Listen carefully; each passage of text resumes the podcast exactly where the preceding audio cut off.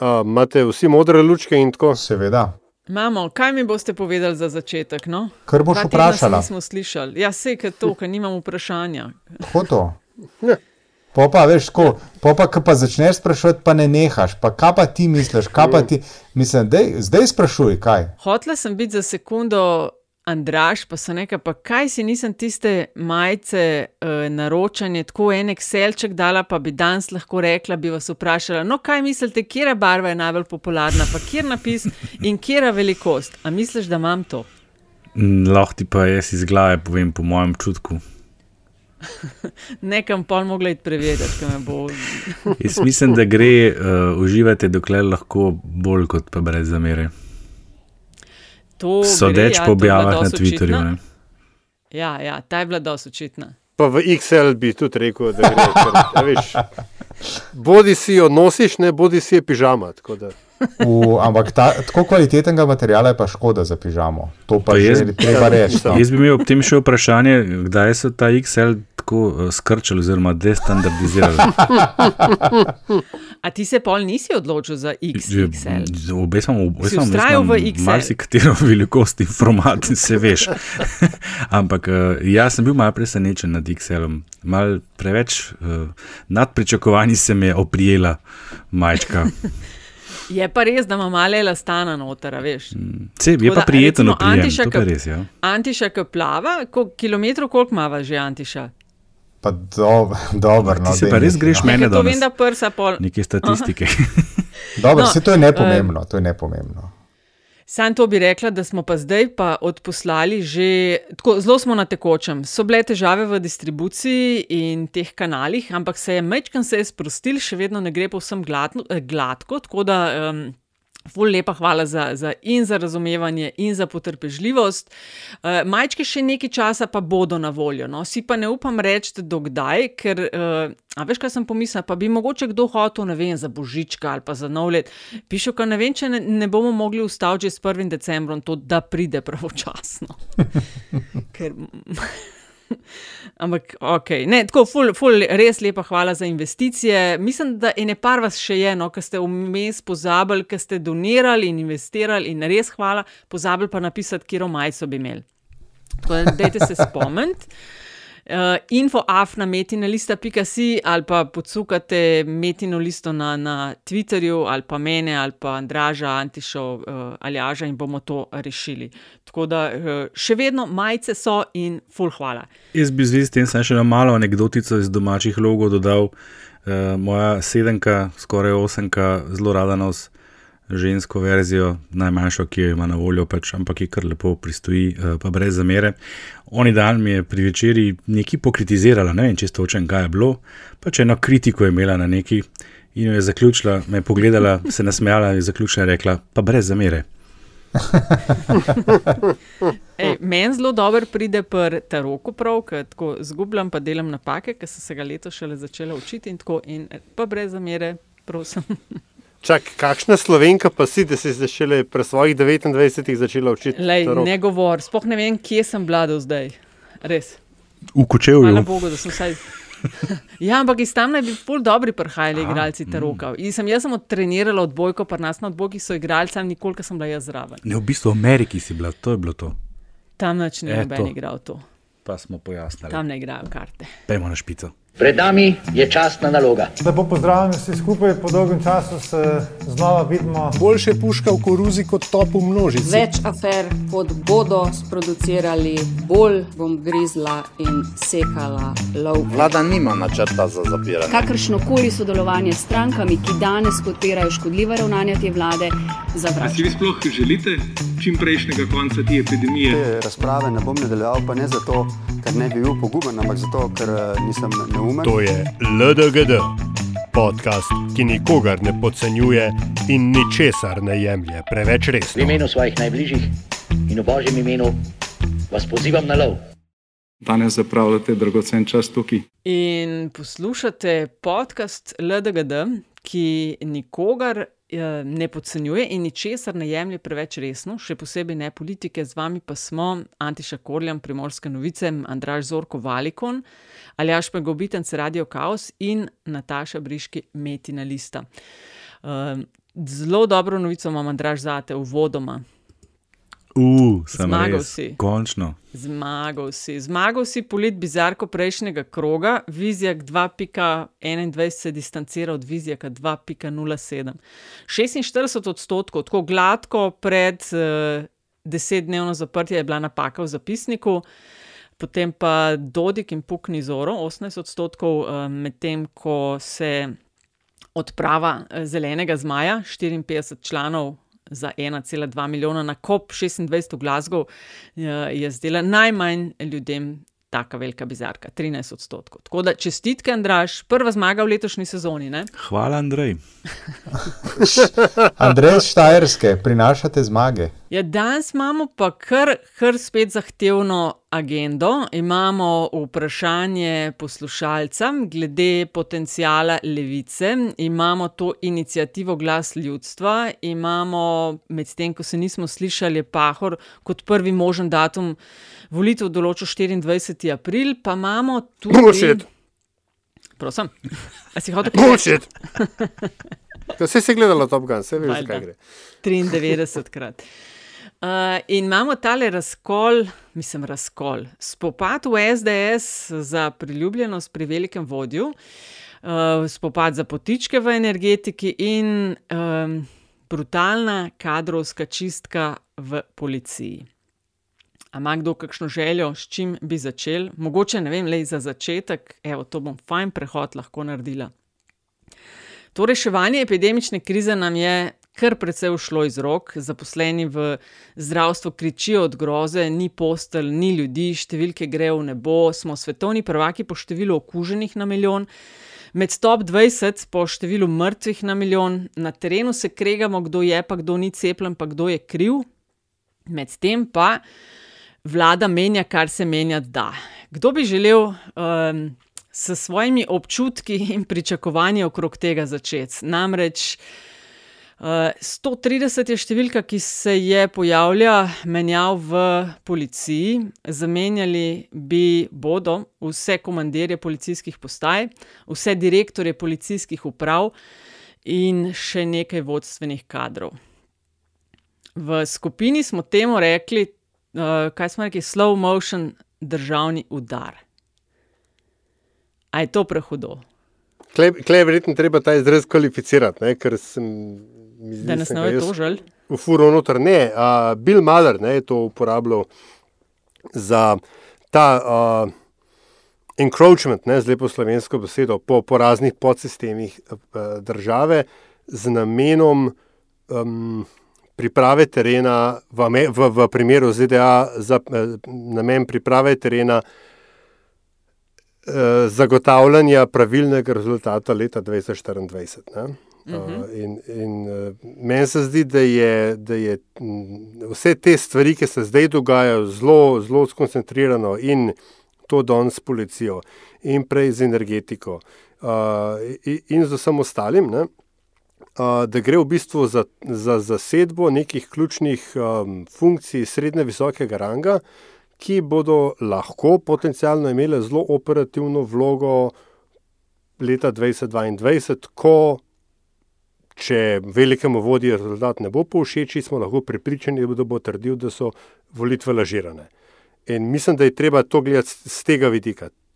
To, to da, se, da se je zdaj policijski kader zamenja, oziroma da se menja, ne, da je tako reči, je um, vsega obsojanja vredno, ta taktika in hitrost in tako dalje. Uh, je pa legalno, ne, čeprav ni, ni mogoče legitimno. Ampak vprašanje je v funkciji, česa to je, in jaz se bojim, da je to pač v funkciji problematiziranja izida volitev parlamentarnih eh, prihodnje leto.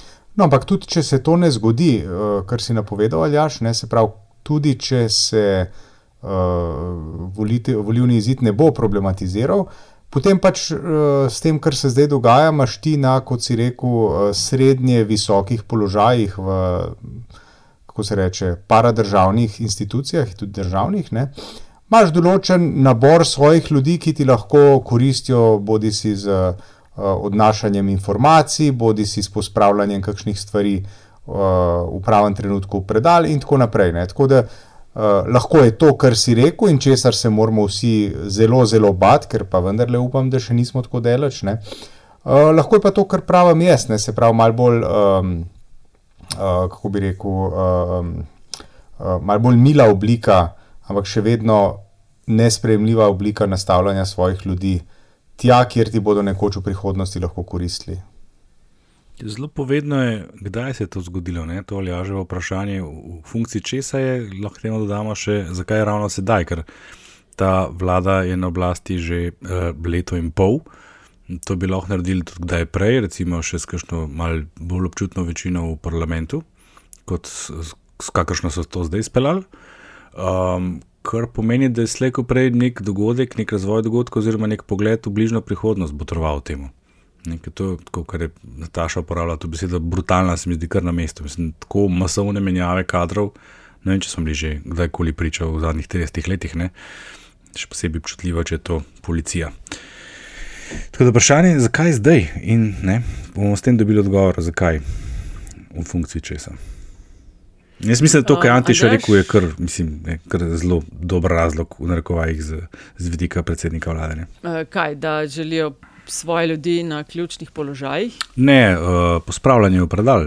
Mislim, ja, ne, to, to seveda je. Ne, ta je dosti bolj znotraj, uh, da rečem, gabaritov tukajšnje realnosti, ne, ta, ta, ta antiševa teza. Uh, tudi zato, ker uh, veš, mogoče ta hip stvar zgleda bolj grozna, ker je skoncentrirana v krajše časovno obdobje. Na zadnje, uh, v prvi vladi ne, je imel Janša štiri leta, In se je pač potem izkazalo, da veš, so vsi ti njegovi kadri, so krtko, vsake časa se je mal kar kdo pojavil, ne, pa, pa so se čudne odločitve sprejemale. In se je potem dolg časa govoril, da veš, Janša ima ne, v narekovajih itak prestreljene organe s svojimi ljudmi. Pa je to veljalo za policijo nekaj časa, pa za vojsko, pa za obveščevalne službe, pa za, za ne vem kaj vse. Um, mogoče gre pa tukaj tudi za to, da jim zdaj. Uh, po eni strani zmanjkuje časa, ne, ker predsednik republike je že nakazal, kdaj bi imel volitve, čeprav je tukaj treba pač en veliko vprašanje zraven. Po drugi strani je pa to, kar se ti reče, Andrašne. Uh, če kdaj, potem se take stvari lahko naredi zdaj, ko se po eni strani uh, uh, starši kregajo, kregamo z učitelji in med sabo okoli testiranj v šolah, pa ko so take grozne številke nasploh glede COVID-a in ko je še en kup drugih afer od Vizjaka dalje, ne, s katerimi se narod obada in lahko to poskušaš tako na hiter zapeljati, ker drugače v resnici to, kratko, pravi, to kratko obdobje pred volitvami tega ne bi mogel kar tako izpeljati. Ča, časa zmanjkuje, ne? kot si rekel, Aljaš, točno to časa zmanjkuje in je pač treba ravnati, je treba hitro. Ne?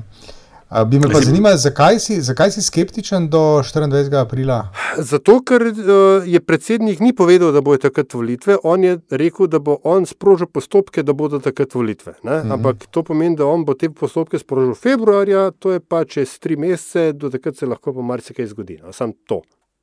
Ja, on je rekel, da to so si prav. Februarja 2022 bo podpisal akt o razpisu rednih volitev v državni zbor, v katerem bo kot dan glasovanja določil prvi možni datum 24.4. Vem, da se je interpretiralo, o volitve bodo 24.4. Ne, če bodo redne, pa me popravlja, če se motim. Če bodo redne, je to prvi možen, ne pa nujno točno ta. Ja, ja. Mislim, da to drži. Ja. Čas je, mislim, da je 24. 24. aprila do 5. junija. junija a, tako, tako, tako, ja, tako, tako, tako, točno to. Ja. To je časovni, časovna zamejenost. Ja. Ali jaš praviš, da v bistvu se ti zdi, da Janši ustreza situacija kaosa, ki sem jo na začetku opisala, ker nam je ta epidemija popolnoma ušla iz rok in da lahko v zadju nastavlja te svoje politične kadre. A veš, kaj jaz slišim iz terena? Pa bom pa tebe, Andraš, prosila za kakšne so številke. Zdaj, 111 je policijskih postaj, ne, komandiri, pa 8 policijskih uprav. Sliši se, da so do še ne dolg nazaj tile, ki niso delali v Ljubljani, je bilo, so zamahnili ob menjavah z roko, češ, da pa sej to je bilo vedno isto. Ne? Vsaka vlada je pač neke te svoje ljudi nastavila, predvsem, ko gre za te čist najviše, ne, te direktori policijskih uprav so nad komandirji policijskih postaj. Ampak da zdaj že tudi z samo to, s tem zakonom, ki so pripravili podlago za to menjavo, in pa počasi postaja jasno, da. A veš, zatikamo se v menjave, hkrati gre pa za spreminjanje sistema. Ne? Tisti je sam, ki rečejo češnja na torti ali pa smetana na kavi in kar je še takšnih podobnih. Ne? So same menjave, se pa sistemsko spremenja vse za nastavljanje kadrov, in to sem tudi slišala. No, da če je bila prej policija, ne če je bila, policija je bila prej v službi ljudi, zdaj pa v službi vladajoče strukture, da to je ta velik premik, ki ga prej ni bilo. Ne. Ni veljal za samo policijo, da uh, dela za vladajočo strukturo, zdaj pa imamo, a veš, te primere, kot je bil Hojs med protestniki s spremstvom, policija v Marezikah, strankarski zbor varovala. Policistom so, slišim, prepovedali sprejemati rože od protestnikov. To je bilo tako, veš, tem so se, to je bil dober PR za njih. Ne? No, ampak, Nataša, samo sam prosti, da te prekinem. Seveda, seveda je veljalo, da uh, imamo tudi policijo, ki dela za vladajoče, ne pa za ljudi. Ne? Seveda je veljalo. Temu se je rekla ljudska milica in ali pa, če hočeš, politična policija. V uh, 60-ih, 70-ih in tudi če os, uh -huh. uh, v manjši mogoče meri, pa vendarle uh, v 80-ih letih prejšnjega stoletja. Ne? Po demokraciji ja. se mi zdi, da je eden od družbenih sistemov, ki je naredil uh, enega večjih premikov v mentaliteti in tako naprej, ne? in tudi v uh, podobi v očeh javnosti, je bila prav policija, se pravi ta represivni aparat, pa verjetno vojska tudi. No?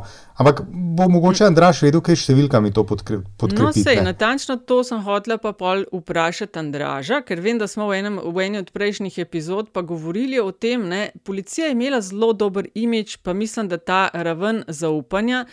Se kaže pa ta prehod, ko je zdaj v službi vladajoče strukture, tako kot si oni to zamišljajo, se kaže tudi v vse večjem nezaupanju, ne Andraš. Ja, nažalost, res, ampak zdaj razmišljam, kaj če so pa oni v bistvu uslišali to, um, slišali so te naše podatke, da je zaupanje v policijo padlo in zdaj so se pač lotili reševati problema. S čim ha, ha, ha, skreiranje ja. politične policije? Ne, to, kar se je zgodilo, je to, da je, da je v tej zadnji meritvi naše ogledalo Slovenije oktobra, je policija sploh prvič odkar merma zaupanje in to je od decembra 2012 se pravi, celo desetletje, tako rekoč, padlo pod nič. Ne. Prvič je ta stopna negativna, to pomeni, da jih je več ljudi rekli, da bolj ne zaupajo, kot zaupajo v policijo, kot v institucijo. Policisti pa niso na dosti boljše, imajo sicer plus pet, ampak to je tudi. Predvsej nizka vrednost, glede na vrednosti, ki smo jih navajeni od prej. Oni so imeli vse čas pozitivno stopno zaupanja, vse čas so bili v vrhu tako institucij kot um, poklicev, katerim uh, ljudje najbolj zaupajo z občasnimi nihanji, ampak tako nizko, kot je danes, pa, pa še ni bilo. No, očitno se tudi ljudje zaznavajo tako. Zanima me, a veš, od pred očmi se ta ugrabitev dogaja. Pa nimamo občutka, da bi zelo te, neke nadzorne inštitucije kričale. E, predsednika, a smo slišali, kaj je predsednika reči na to temo? Ali je slišal kdo predsednika reči karkoli na kar kaj, kar bi imel dejansko uh, uh, učink političen ali družben. Razen tega, da je končno se zmigal in rekel, da vendarle se pejte cepati. Lej, to, to mene kar skrbi. No. Mislim, tis, niti malo ni smešno. No. Mislim, se, a, a veš, to se spet vrne na, na vprašanje tukaj, je, ne, kako, kakšno vlogo igra predsednik Pahor in kako on sebe vidi v tem kontekstu. In to se spet, veš, tudi naveže na vprašanje datum eh, ta razglasitve, napovedi razglasitve razpisa volitev, ne, uh, ker jaz to vidim izključno v funkciji kritja hrbta uh, premijeju Janši, češ, da je zdaj, veš, nezadovoljnemu delu uh, populusa, ki hoče volitve zdaj, ne, se rekel, no, se, se ne, bo, zdaj bojo pa hmali, leta, takrat, takrat enkrat bojo, mm. uh, da, da, da, se, da se ta pritisk malo zmanjša. Ne. Ampak ja, seveda, zakaj? predsednik republike ne reče nič, zakaj ne reče nič o, o, o, o Vizeku, zakaj ne reče nič o, o teh stvarih s policijo, zakaj, zakaj on kot vrhovni poveljnik nima mnenja o um, nakupih uh, vojaške opreme, ne? se lahko tudi reče, da je prav, ampak ne neki reče. Tale kaos, na, eh, se, ali pa to, kar smo zdaj povedali od policije, me pa potem pripelje do naslednje teme, ki smo jo najavili tudi in sicer to, pa ne vem, a je ali ni. Vi imate dobre informacije. Uh, o razkolu v SDS se govori, da je več različnih frakcij. Zdaj, to, ta zadnja v tej vrsti je bila ta Krkovičeva bizarka na golobovi tiskovki. Uh, pol imamo vizijo, za katerega mislim, da si Aljaš ti govoril, da imaš občutek, da mu premijer ni prav zelo skočil v pomoč ali pa mu kriv hrbta. Imamo sicer isto poslance, za katerega noben od nas. Um, No, noben od nas. Nekako ga nismo zaznali kot bolj dejavnega. Tudi sam vodja poslanske skupine SDS je rekel nekako v kontekstu, da kaj dosto od njega ni bilo. Ta, ta, ta je zanimiva. To, ja, In to, imamo to, kar se opleta, pa zanika, pa je, pa ni. Uh, minister, zunani minister, ki naj bi v pismu rekel uh, ali pa si dopisal z Janšo, da mogoče vizija, pa vse ne bi bilo fajn obdržati na položaju. Kar je Janša zanikal, ne? on takih pisem ne dobi, seveda tiste s praškom takoj dobi, ne? čeprav jih ne dobi. Teh te nekako ne pridejo do njega. A kaj vemo, kaj si mislimo okrog tega? Nataša, temu, to se zdaj že nekaj časa. Temu lahko dodamo še kakšno stvar. Naprimer, na tej skrajni desni, občasno gledam program no, Nove 24. Ja. By the way, produkcija tega televizije se je izjemno popravila v tem času, odkar je SDS na oblasti. To je, to je pa zdaj že narejeno tako, da lahko rečeš, ok, to pa ni več šodr, ne z vidika produkcije. Um, s temi sredstvi, ki jih no, mislim, jih ja, kar lepo, učinkovito uporabljajo, očitno. Ne? Uh, se pojavljajo tudi recimo v nekih oddajah, nek, neko oddajo ima glas ljudstva, ali kaj že neko se mu že reče, se že reče, kjer čist brez težav objavljajo mnenja, ki si ne bi predstavljali, da bi jih bili sposobni spraviti skozi v eter. Skratka, izjave, ki so mnenja, ki so kritične do dela vlade.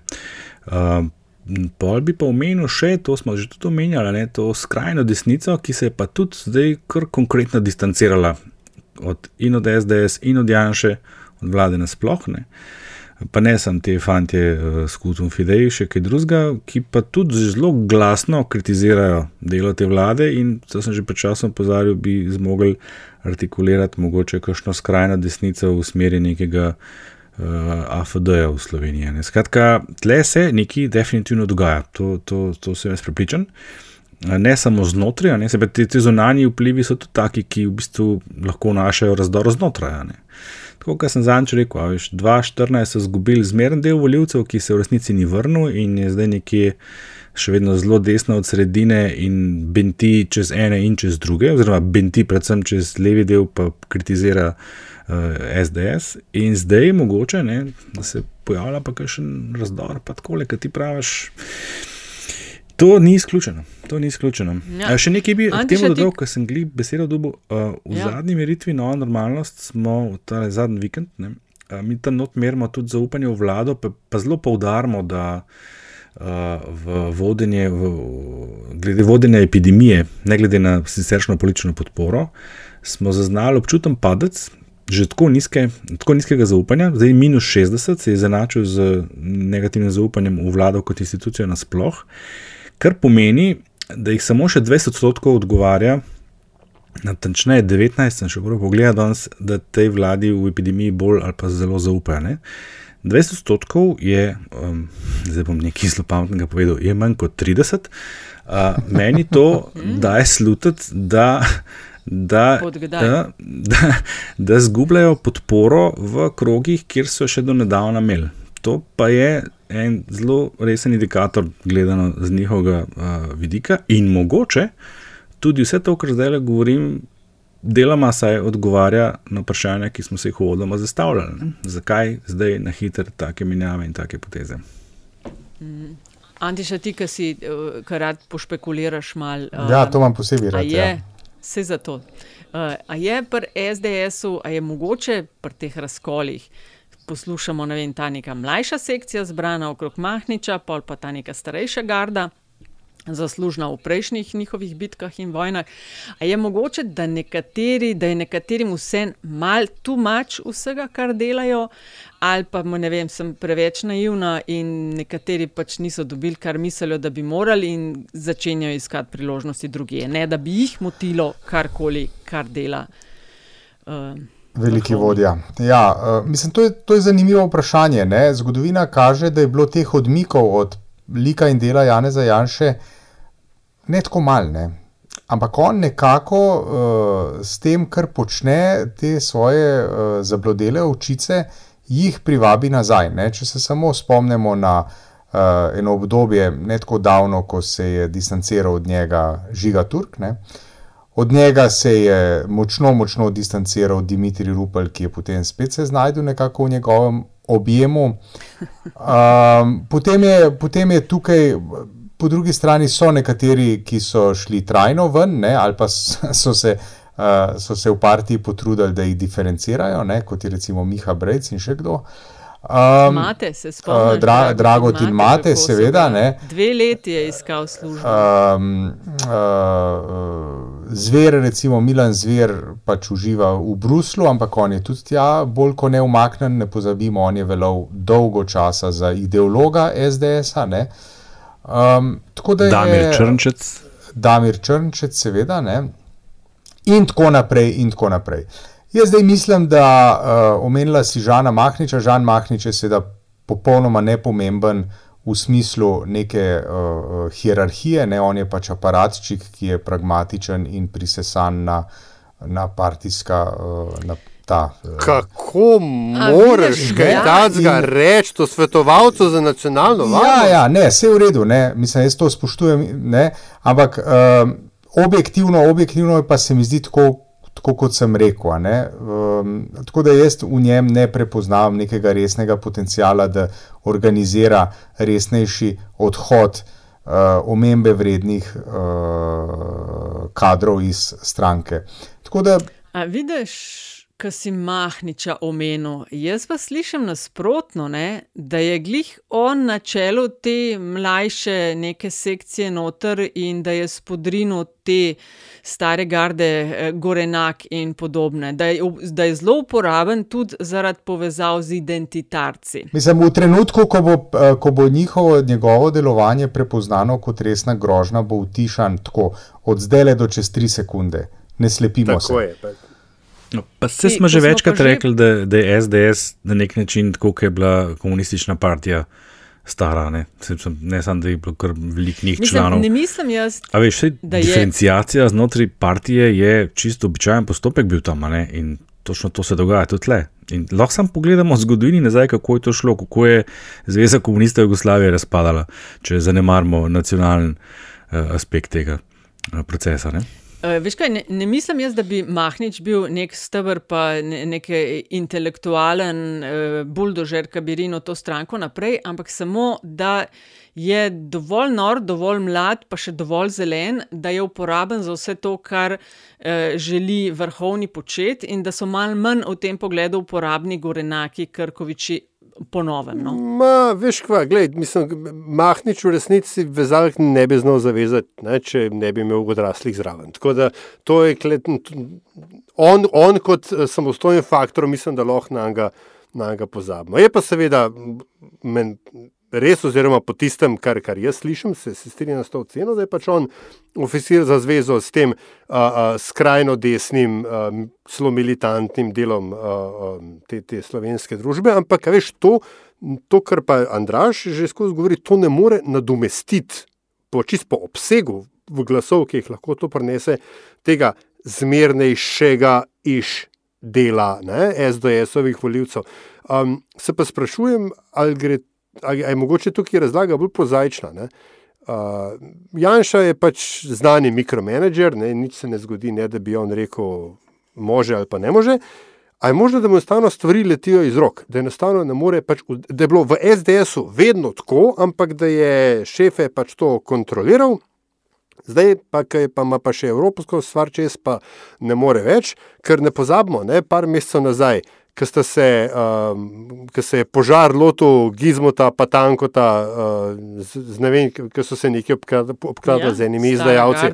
Veš, ampak odkje to, mislim, kako, veš, pa tanko, najbolj zvesti budilček, ki priteče, ki je samo enkrat, ki samo enkrat ni pritekel in je bil takoj kaznovan. Ne, pa veš, veš, da je tukaj lojalnost in disciplina, da, da sta na, na vrhuncu.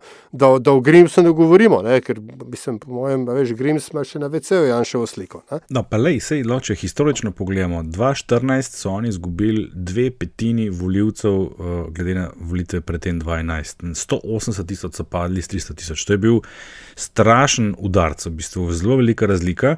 Spomnimo se malo, kako so takrat odreagirali. Takrat so se pa v bistvu uh, zbrali, uh, oziroma se rekonsolidirali okrog uh, vprašanja, zakaj Janša namreč ne sme biti v, v parlamentu. Ampak, a veš, nikoli niso dobili teh glasov nazaj. Oni so uspeli z vsem, kar so počeli naslednje štiri leta, prijeti na 220. Pravi, eno tretjino samo tega, kar so izgubili, so uspeli dobiti nazaj. Tako da z tega vidika bi lahko pritrdili tebi, Aljaš, da stvari uhajajo iz rok vsake tok časa in se potem ne konsolidirajo nazaj. Zdaj, ne, v tem obdobju, ko so imeli nevrjetno priložnost, da se utrdijo še bolj kot vodilna stranka, ker kar pač so, da, da utrdijo svojo vlogo v tej družbi, oziroma da si naberejo glasov z nekim drugačnim pristopom k epidemiji, so naredili vse kontra temu, ne, to bi spet pritrdilo temu, da in temu mikromanagiranju in stvari uhajajo z roki, ker je pa logična posledica tega, če si mikromanager, ne moreš imeti vsega pod kontrolo, še posebej ne v takih razmerah, kakršnih smo zadnje leto in pol. Ne.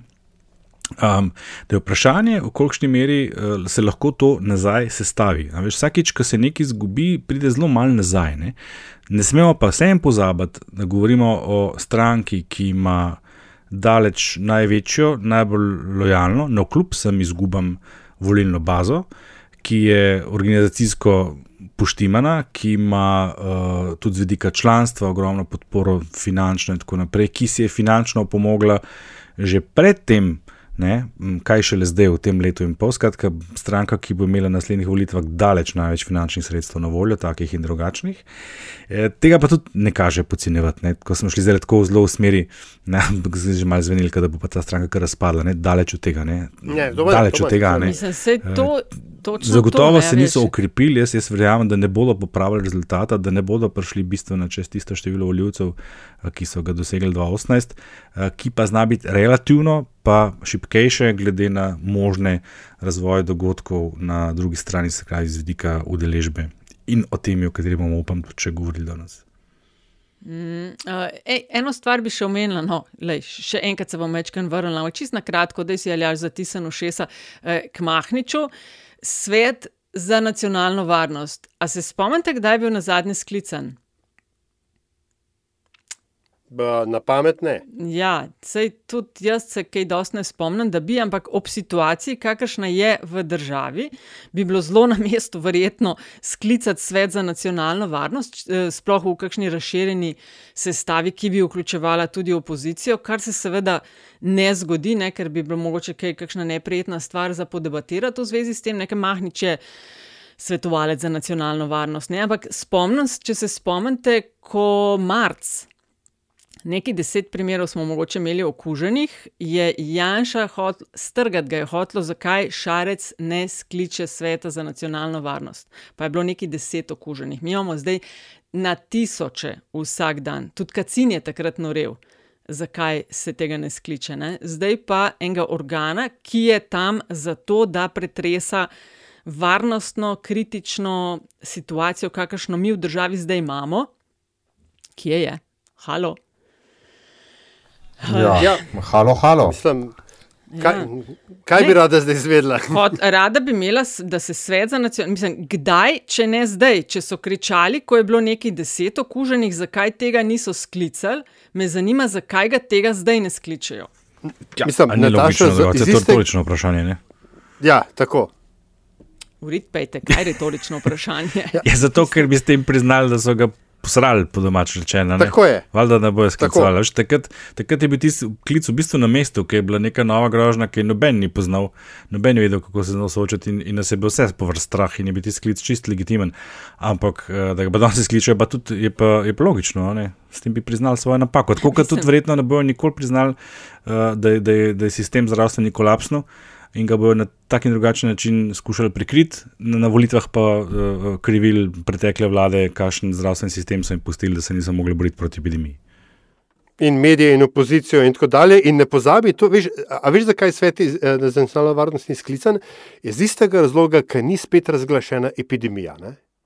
In to je spet to, kar je pač Andraš rekel, ker bi pač to pomenil, da smo po letu in pol tega sranja na istem, če ne celo na hujšem, ampak ne, ne ker Delta Lopes nam pač razlaga, da sej v bistvu je vse v redu, sam če ne bi bilo medijev, pa če bi se malo več ljudi cepali. Ja, kdo za božjo voljo pa je bil zadolžen za to, da se bo malo. Pred volilnem obdobju smo, odkar je Pahor napovedal prvi možen datum volitev in takrat naprej so vse stvari temu podrejene, tako kot je bilo vedno do zdaj. Pol leta pred volitvami se. Država naša ustavi, ker se stranke ukvarjajo samo še s tem, odkot in, in kam bojo počrpale različne finančne vire, da bodo lahko to čim bolj spretno. Nespretno na volitvah uporabljati. A, veš, in, a si ti predstavljaš to vlado danes, da in... uh, ja. razglasiti epidemijo? Ne, ne, ne bojo tega naredili. Pa, pa, če, pa, mislim, tle bojo šli res, res dobesedno grejo čez trupla. Totalno. Mislim, meni je bil eden najbolj šokantnih prizorov, je bil zdaj par dni nazaj, ko so vojaki začeli korakati v klinični center. Šest, sedem vojakov, meni se je to zdelo tako. To, totalen kolaps, tudi simbol kolapsa rokovanja z epidemijo. Mislim, vidiš, meni je bilo pa to en let prepozno. Ne? Mislim, je, ne, ne pravim, da ne, ker mi je ta portugalski primer zelo dobro poznan. Ampak, a veš, čakali do konca, seveda, teh sedem vojakov ne, ne more nič rešiti. Zdaj. Ne, ampak pazi, pazi na, sim, na simbolni ravni, razumeš? Ker mi smo, eden od očitkov tej vladi, seveda, je bil, da uporablja represivni aparat za represijo nekih um, obsega pravic, ki, ki, ki je preko tistega nujnega. Ne? In vojska je bila nekako posredno tudi del, del teh, teh očitkov in obtožb. Ne? Vojska na ulice, ker mora biti policija na občinskih mejah. Veš, če bi ti poslal vojsko takoj v pomagati v klinični center, je to popolnoma drug uh, izgled, druga optika uh, tudi drug pristop k, k ravnanju z epidemijo. Ja, evo, vsi družbeni podsistemi so angažirani za to, da se, da se ta kuga čim prej odpravi. Ampak ne, leto in pol kasneje, ne, zdaj pa Mislim, končno nekomu, medtem pa una, una bolnica, rolet, tam je pa že en let, en let postavljena za brez veze, ker se je izkazalo, da je večina zdravnikov, ki bi morala tam noter delati, itak v pogodbeni rezervi in so seveda angažirani na civilnih uh, uh, pozicijah. Pa še nekaj treba dodati, v tej raziskavi te zadnji, zadnji vikend smo mi izmerili enega najvišjih deležev ljudi, ki, ki so mnenja, da so ukrepi trenutno premalo strogi. Skoraj tako visoki, kot so bili marca lani še pred uradno razglasitvijo ja. epidemije. Ja. Tako, uh, praviloma so potem sledili neki ukrepi, tak fazni zamik je bil vse čas, to se zelo lepo vidi v grafik strani vlade, in pol kmalo zatem ne, smo že stvari grejo na boljše, ukrepi so prestrogi. Ta drugi so bili zelo visok, uh, je bil zelo visok ta delež julija uh, lansko leto. Uh, uh, Lensko, letos, letos, uf, uf, bom pogledal. Medtem, um, In zdaj, se pravi, ampak razlika je pa v tem, da zdaj ni več te reakcije vlade, ker istočasno, ko imaš ta visok delež, uh, ukrepi so premalo strogi, pa tudi ustraja visok delež, da so ukrepi prestrogi. A sem rekel, prej tudi prestrogi, sem prej mislil premalo strogi. Skratka, razdvojenost je strašna. Še nikoli nismo imeli tako razdvojenega mnenja o tem, ali so ukrepi dovolj ali premalo strogi, in posledično najnižjega deleža tistih, ki pravijo, vse je čisto redu, vse so ravno pravšni.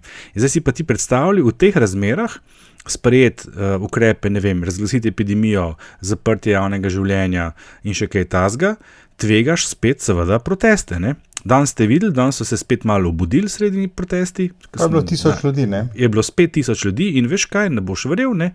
Un naš indikatorček ne, je točno tam, kjer je bil 15. septembra in, ki, in kjer je bil tudi 27. aprila. Mislim, ti si števil kot govorov, situacija je popolnoma brezupna in pa uh, uh, uh, kaotična je nevreten dober indikator, da grejo ljudje na ulice. In jaz mislim, da je tudi to en moment, a veš, ne upajo si tega narediti. Ne samo, da, da taktično jim ne ustreza zaradi volitev prihajajočih, ne upajo se. Pa drago je, ne. Mislim, malo več ljudi je bilo, da, zdaj danes snemamo, izjemoma v sredo, malo več verjetno tudi zaradi tega, ker je se upadalo s prvim dnem tega samotestiranja otrok. Kako prikladno so ga iz ponedeljka na sredo predstavljali. Ja, ja. Ne, drugače pa glede uporabe vojske, veš, upor je bil, mislim, niso bili transparentni glede tega. Ne? Če se spomniš, smo bili eno leto nazaj, ne vem, kje je tisto 107 ali 103, kjer člen je bil, ko so želeli uh, vojski dati uh, večja pooblastila, ampak, a veš, oni so brendirali, ker prihajajo okuženi migranti v Slovenijo. Veš, takrat so ti, uh, vojsko v tem istem stavku omenjali. Ne?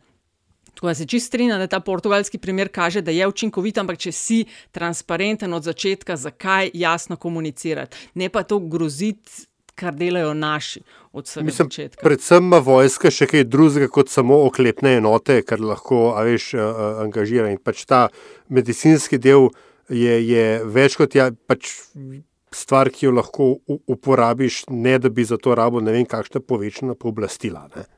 Sam dolžen, do, dolžen popravek, se- oziroma omemba Julija lani je bil ta tak podoben Ja. vrhunc, da ne bo zmede.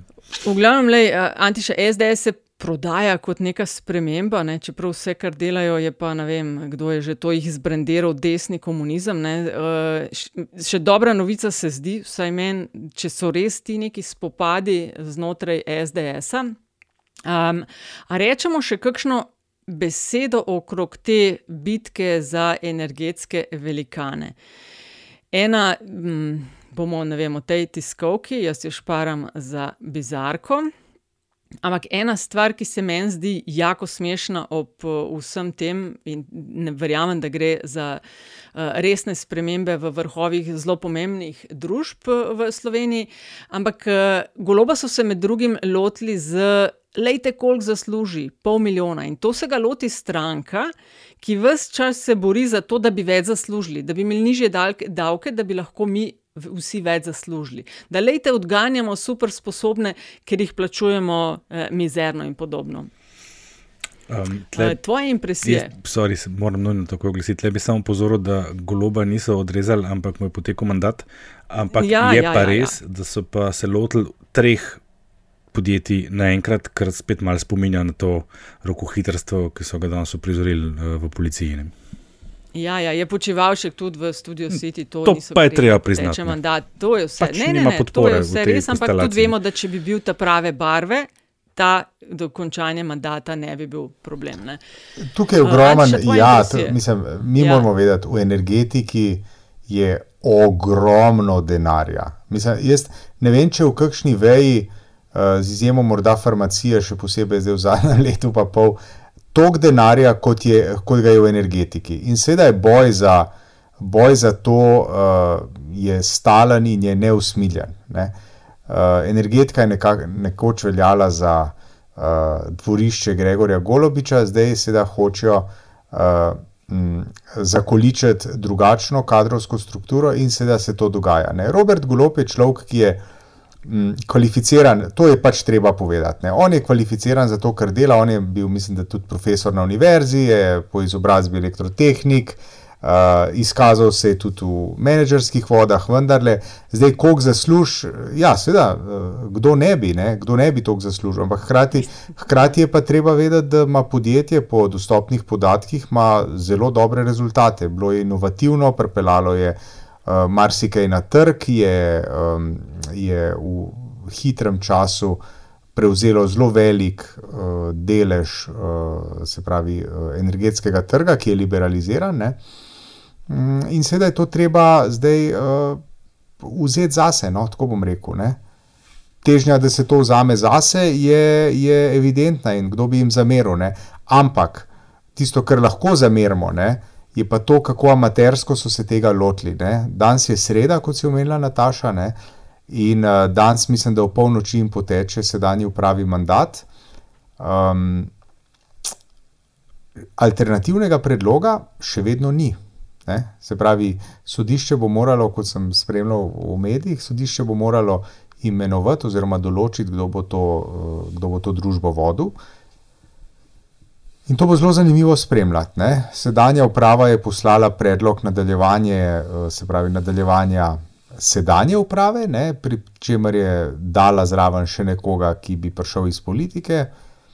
Uh, zdaj bomo pa videli, kaj se bo zgodilo. Jaz bi dal tukaj samo eno vinjeto. Um, GNI oziroma ne, cela ta družba ne deluje samo na slovenskem trgu.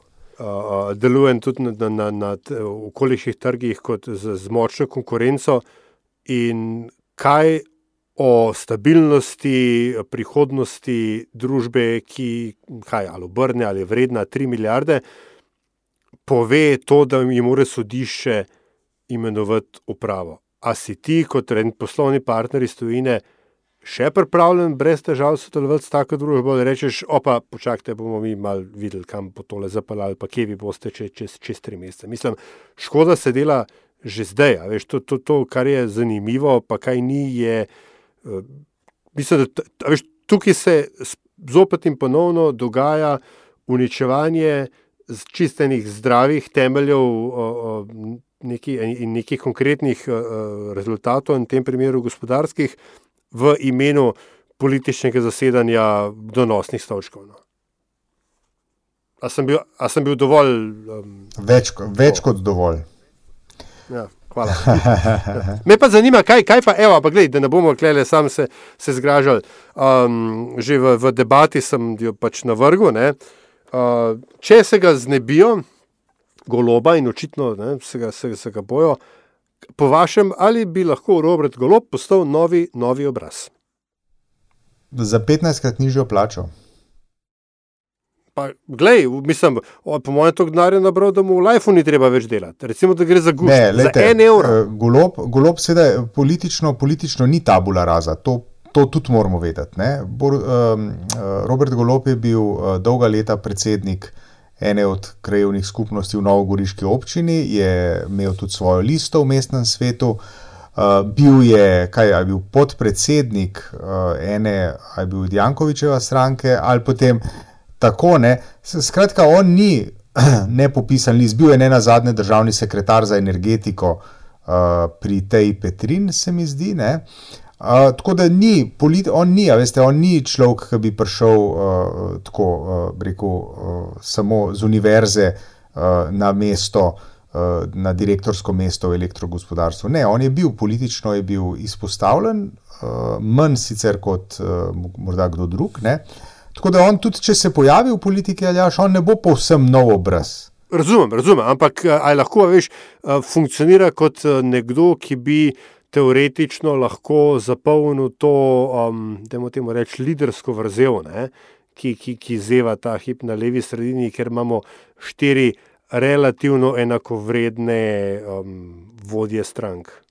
Ja, mislim, to je, to je sedaj zdaj vprašanje. Ne? Zdaj se išče, se, očitno se išče nekoga, ki bi lahko to združil in v imenu vseh štirih nastopil. Uh, ali bi on to lahko bil, težko rečem. No, jaz sem v enem obdobju svojega novinarjenja z njim kar precej, kar precej sodeloval, bil z njim uh, zelo pogosto uh, v kontaktu, ko je bil državni sekretar za energetiko, to je bilo obdobje liberaliziranja slovenskega energetskega trga. Ne.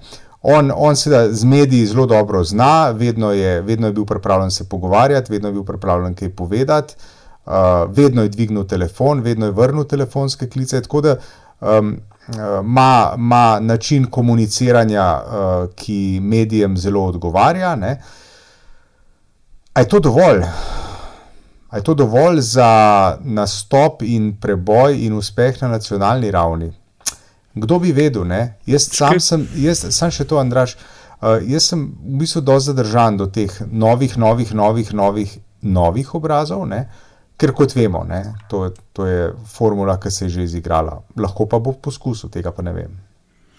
Indikativno je to, koliko ljudi je o tem začelo govoriti takoj po tej bizarki od tiskovke.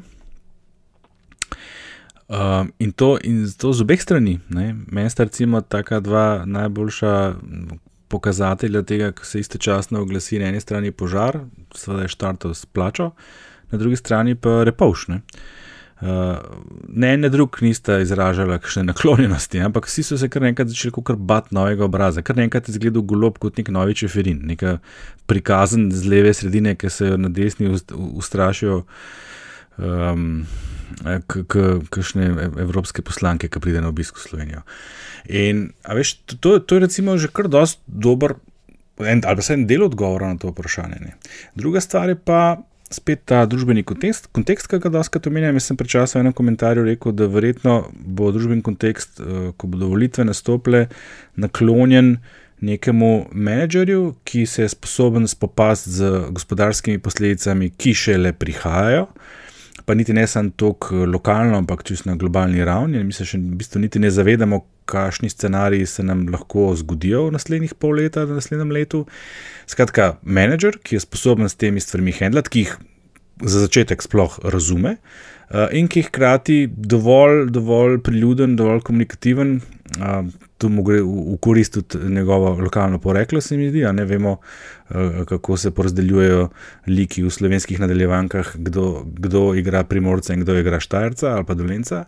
Uh, in, in je, veš, tudi z tega vidika je on v bistvu, kot ta na mamo, kot se reče, ne? ta manj. In zdaj, če se res zgodi, da ga ne potrdijo, kot kaže. On ima tam zraven še eno strašno ekipo, verjetno, ker, ker sam pa ni vsega tega dosegel, kar si prej naštel. Mi se odločijo, lej, zakaj pa ne, ne. Zakaj pa ne? Vprašanje je le, uh, ali je to vzdržna, trajnostna rešitev, ne, da ga ne bo potem zamikalo čez pol leta kaj drugega, da se ne zgodi Jankovič, ne, a, če bo motivacija samo maščevanje za nepotrditev na mestu predsednika uprave, potem to seveda ni dobra popotnica. E, in pa veliko vprašanje je, ali je on kot kandidat, če sem tebe prav razumel, aljaš, e, za mandatarja vseh teh štirih strank, ki tvorijo kulane ali je uh, spremljiv za, naprimer, levico, ne? ker jaz mislim, da levica si pa njega ne predstavlja čist uh, na kolesu, ampak bolj v kakšnem črnem pršaju. Ja, ne vem, sam pa veš, glej, solarni paneli so kar, bom rekel, domena. Ne? Genija. Ta in, del in pa ja. Energije, za levico se ti zdi bolj sporen, ker jaz bi pa rekla, da bi prej imeli probleme pri Šarcu ali pa pri SD-ju, če bi to, se to, ja, kot to. lider. Tam uh, zaradi drugih vzgibov, verjetno. Ja. Ampak, ja. ampak no, kako pa vi komentirate to, da je, pač, kar si že omenil, bizarko tiskalke? To lansiranje strokovnjaka za solarne panele, to ne te Krkoviča, a, a to spada v ta del ja. frakcijskega boja SDS ali je to veš, signal um, golobov ne, na desno stran? Glejte, tudi vaši ljudje me podpirajo. A zdaj govorimo spet o uh, potencijalnih razhajanjih znotraj SDS-a ali o kompetenci Krkoviča, da je to, kar je v geniji. Dobro, gledaj, pustimo. Čist mi boste to mojo bizarko. ja, oprosti, oprosti. No. Premetali. Ja. Vse, no, vse, okay, la, la, lahko, lahko pustimo. Lahko pustimo rej, no, jaz bi tako, za, go, za goloba bi pa jaz staljaš sam tako rekla, kot ja, nekdo, prosim. ki dela v medijih, ki dela v komunikacijah. Uh, takšnih ljudi si samo želimo. Ne samo, da je pač dokazan menedžer, da se znajo politiko, ki se je že šel, vsaj do neke mere, ne, zna nastopati. Ne. Zna govoriti, no. zna povedati kaj sočnega, malo tega primorskega naglasa. On bi bil absolutno fin, svež, okusen dodatek uh, aktualni politiki. Ali se ti ne zdi, da je mogoče za kanček preveč aroganten za poprečnega voljivca slovenskega? Ja, mogoče malo skromnosti ne bi škodilo, ampak po drugi strani pa, veš, uh, imamo radi odločne, take, ki ne dvomijo, uh, veš, ki grejo naprej, pogumne, ki so se zdaj zoprstavili, poglej, kakšnemu aparatu. Ampak, veš, ta, ta, to, to tle že malo prehajamo po področju arhetipov. Ne? To, kar zdaj omenjaš, ne, mislim, tisto, kar smo zadnjič videli, da do konca razmontirali, to je bizarno, se mi zdi. Ja, Ampak tisti prizor, tist prizor je bil surrealen, tista črnina v zadju in, in on no, v sredini. Evo, to, to bi pa zdaj, to pa, kar bi nekdo dal Ronaldo žogo na penalne. V glavnem, tisti tist je bil tak, že skoraj malo surrealen prizor, ampak tako je, veš, črna je barva uh, luksuza, premiuma. Tak, te naj, najbolj luksuzne dobrine se ponovadi fotografirajo na tak način, da se črno popa tisti, ki se neki na sred bliščine. Tisti tist je, a veš, to je, to je kar delač od tega poprečnega voljivca. Zato sem rekel, da vprašanje, kako bi se. Ja, ja razumem. Lej, težko rečem, kako bi ljudje reagirali na njega. Za medije ti pa lahko povem, da bo pozdravljen z obema rokama, če gre. Be, če, čeprav, ve- se- ob tem je samo en, en- ena stvar. Ne. A Veš, da si predstavljaj, da si ti, ne, Robert Golop in pol eni PR firmi ali pa svojim rečeš, stari, nared mi, fuck off tiskavko. Kva narediš in potem, da prideš ven s teble, to, to je tako. Um, čisto na obrtniški ravni je treba to pozdraviti, ne, ker mislim, da veliko takih stvari nismo videli v tej državi. To je teater, jaz tega ne pozdravljam. Ja, ja, ja, čist, čist. Ja. No, no, No, no, ne, sej. Še, še, Ja, dej, ja. še mi pa kradi politizarko. Vprašanje imamo poslušalca, ki nam Ja, je dej. pisal, da je ja. Opazil je, da v debatah in analizah piše, ignoriramo stranko levice. Se sprašuje, ali to na ključje ali ni.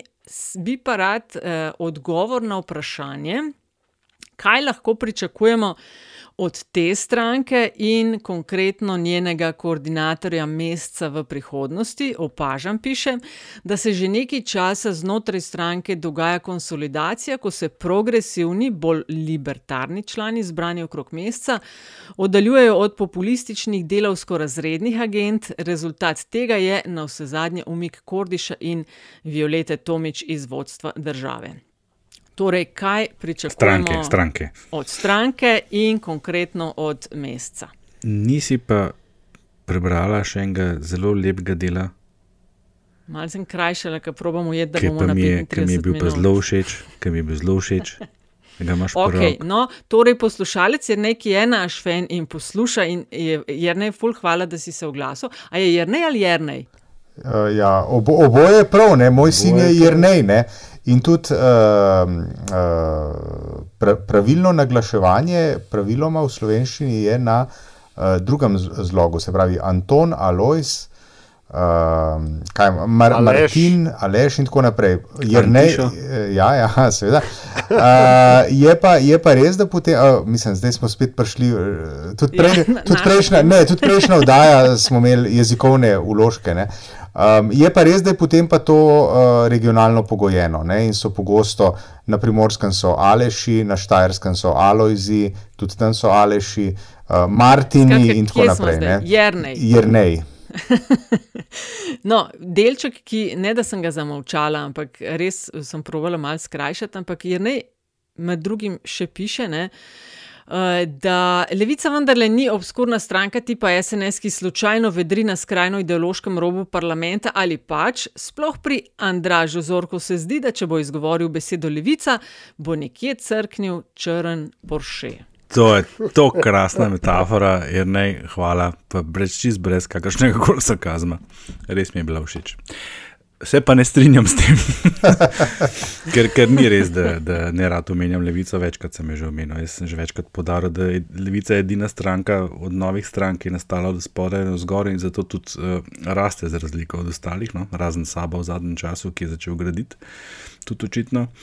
Um, tako da ne bi čist delil tega mnenja, pač smo jih omenjali, se mi zdi, takrat, ko je bilo to pač potrebno. Ne? Mi v tem podkastu omenjamo predvsem stranke, s katerimi se treba kritično ukvarjati. Eh, Verjetno zato.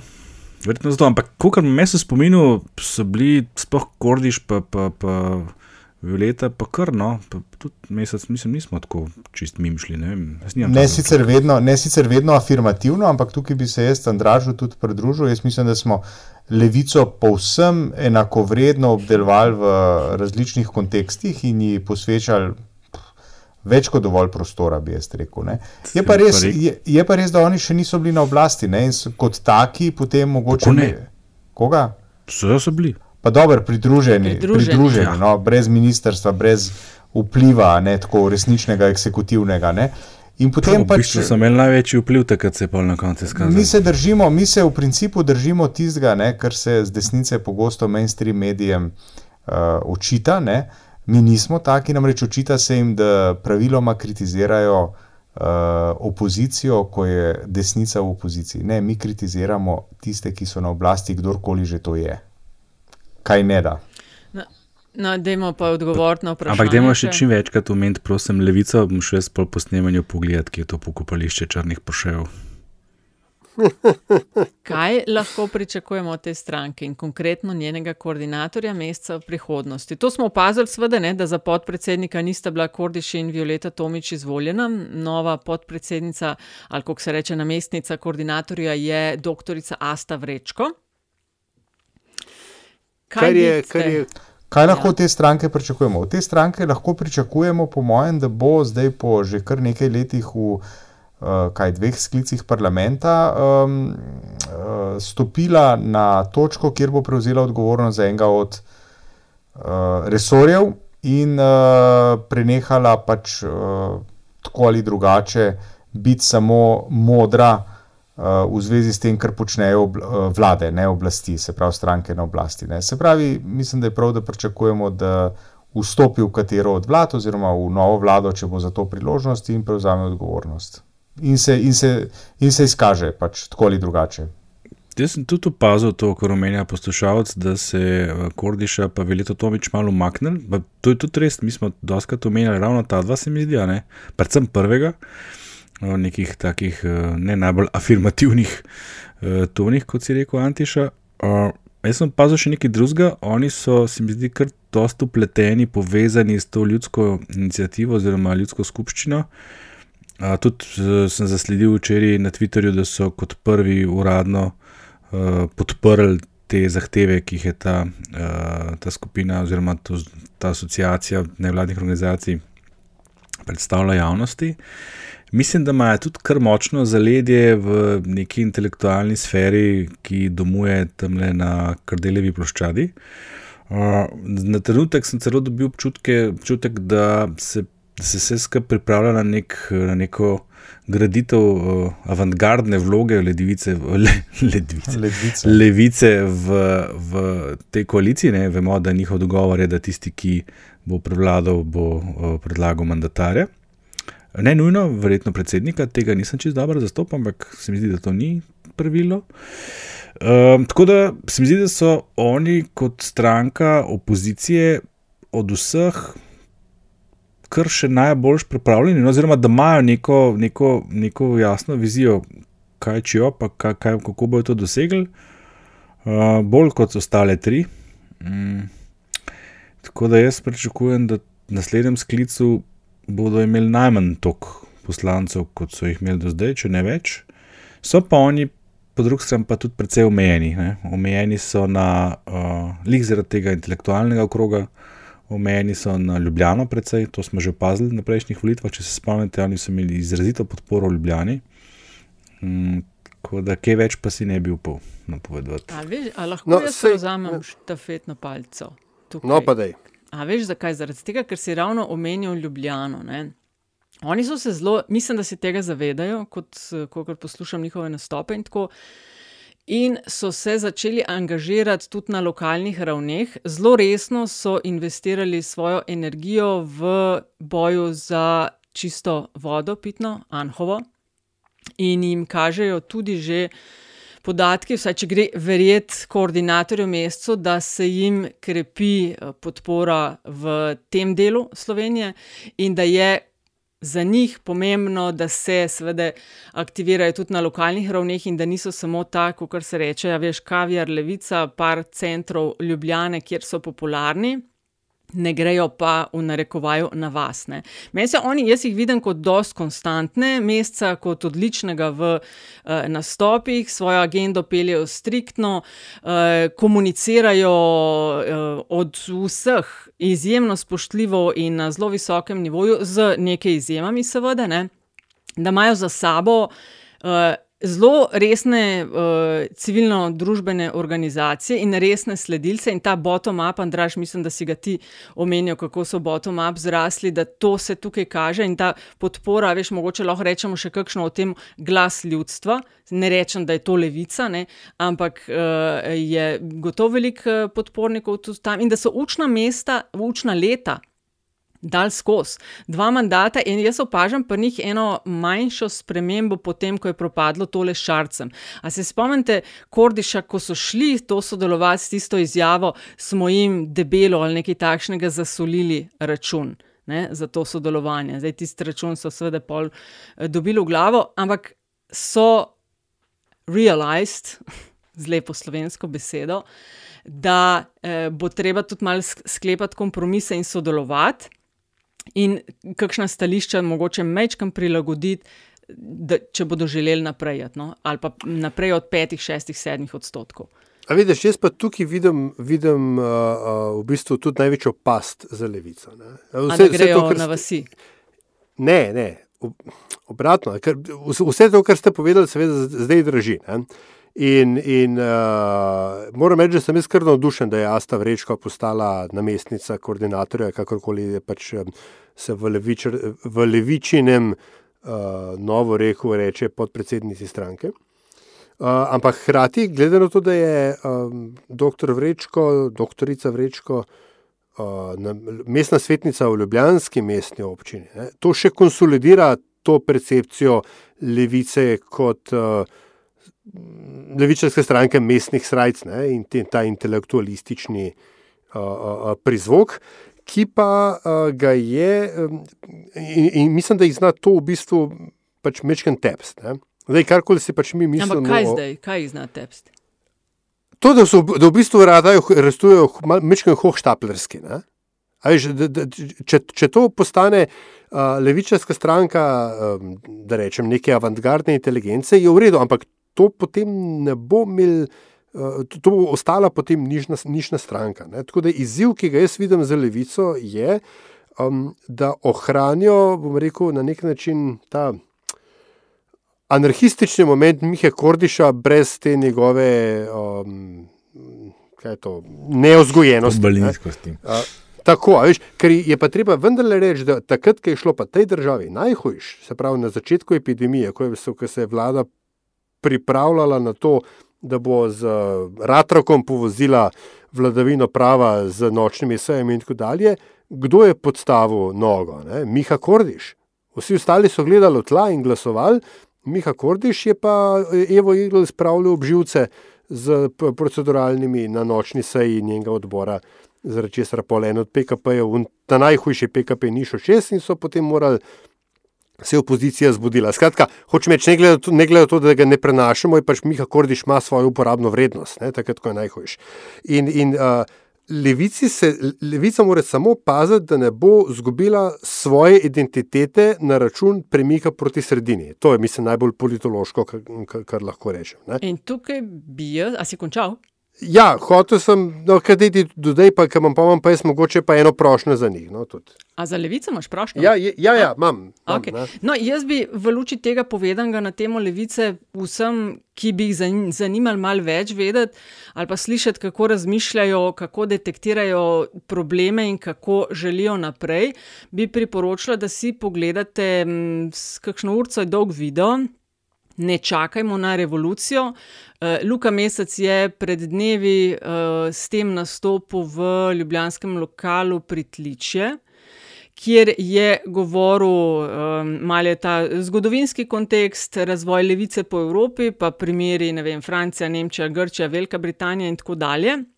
In hkrati tudi detektiral, kaj so uh, njihovi izzivi in kako se jih uh, nameravajo reševati. No, in ena od stvari, ki je noter rekel, je tudi med drugim, da uh, morajo jeti po Sloveniji, detektirati, kaj so problemi ljudi in na terenu pomagati ali pa reševati. Skozi, vem, po svojih močeh te težave, ki jih imajo. No, in ta primer Anho ga je dal kot primer, kjer se jim je, ko so se tam angažirali za pravice ljudi, za pravico do, do čistega okolja, vode in tako dalje, eh, dvigala zelo takoj podporo med ljudmi. No, super, temu se da reče to nameravajo delati. No. In je to skozi te primere, tudi v tujinah, uh, levice, a veš, uh, link, delinke v Siriza, v Grči in tako dalje, kaj so, uh, kdo je imel, kaj pa Korbin v Veliki Britaniji, kaj so bile napake, mogoče, ki so jih kakšni delali no. in kako oni to želijo v kampanji naprej. Ne. Super, temu se drugače reče populizem. Ne, čistko, Mislim, ampak, lej, eh, populizem, mislim, To se populizem. pa ne strinjam, Ljudje so tam imeli problem, oni so se Ja, ja, resno angažirali in težavo pomagajo reševati. Zdaj, populizem, gor dol, vse jih imaš, vse veš, vse sva govorila v intervjuju, ki ga bomo objavili v kratkem z eh, profesorjem Bojanom Bugaričem. Več imaš populizmov, ne? Eni Ja, ja, ne, sej, so- nisem, to, ni, to ni skrajno desni populizem, mi proti vam, ampak pač je uno, gremo med ljudi in delamo za ljudi. Ne? Ne, ampak saj tam Tisto, so. Ne, Ljudi ampak čakaj, ne, v redu, to ni resno. Dej, če, če ti rečeš, eh, delamo za ljudi, pa ne delaš nič za ljudi, to je populizem. Če pa ti greš med Ja, ljudi, pa ne, drugi ne, govorijo, ne, da ne, si ne. šel med ljudi, to pa ni populizem. Ne? Ne, ne, ne, historično je pač uh, populistični voditelji so tisti, ki so pač nastopali kot, uh, da rečem, ljudski tribuni naproti vladajočim elitam. O tem, o tem vrste populizmu govorim. Ne, s tem ni načeloma nič narobe. Jaz sem hotel pač Tem ne, sploh moja, ni moja nič pro- narobe. Jaz hočem od politikov, da recimo pridejo v kočejo, vidijo, kaj je problem, mi vam ga bomo pomagali rešiti. Ne, ampak, a vidiš, zato na svetu. Da, zato, imaš, zato imaš načeloma lokalne skupnosti. ne. To, to, je, to, je, to, to, je druga, vr, to je druga vrsta težava. Uh, problem, ki ga pač uh, uh, ima in, in v uh, levici se zna zgoditi, da se to ujame, da bo skakala od problema do problema in reševala partikularne stvari. Medtem, ko, veš, ko bo prepuščala pa sistemske rešitve drugim, in tukaj je moj poziv, prošnja, kakorkoli bi ji rekel, ne, je, da je um, naloga prihodne vlade, ki če ne bo v podobni, pač, če, če jo ne bo vodil Janez Janša, bo, da na novo vzpostavi neodvisnost marsikakega a, državnega in družbenega podsistema. Govorimo o javnih medijih, govorimo zdaj o represivnem aparatu, govorimo o neodvisnih nadzorstvenih a, organih, ala um, ag agencije te in one vrste. Um, ki jih je treba okrepiti. In če hoče kdorkoli v tej državi resnično dober, kaj dobrega, bo vpliv eksekutive in vpliv države in vpliv dnevne politike v te inštitucije zamejil. In tukaj mislim, da, je, da se bo pač lomila prihodnost a, a, bodoče vlade. A, če, če bo nekdo premogel dovolj te modrosti, da bo izsilil neke, neke spremembe, ki bodo dale več samostojnosti tem inštitucijam, bo tako sebi na kratki rok, kot državi na dolgi, rek, dolg, dolgi rok naredil uslugo in s tem ne bo ponovil napake, ki so jo naredile leve vlade v preteklosti, ko so dobili razmontirane državne organe in razmontirane javne medije, so rekli, da je oglej, se v bistvu to pa kar praktično bomo pa mi to tako le pustili za naše trenutne potrebe. To, ne, tukaj, je, tukaj je sviden glavni izziv, a, a, a, recimo tudi za levico, če bo v funkciji, da sodeluje pri oblikovanju oblasti. Uh, res priporočam, ogled, ne čakajmo na revolucijo, ker se mi zdi, da je um, koordinator mesec zelo dobro povzel aktualno situacijo in tudi načrti za naprej se zdijo kar precej smiselni. Pa ste že skoraj eno glasni prostor, koliko majčk so Ja, lej, ne, kar je treba, lej, če je dober, je dober. Glas ljudstva. A je Antiša še z nami? Ja, seveda. A, Antiša. Pa poslušam jaz te modrosti.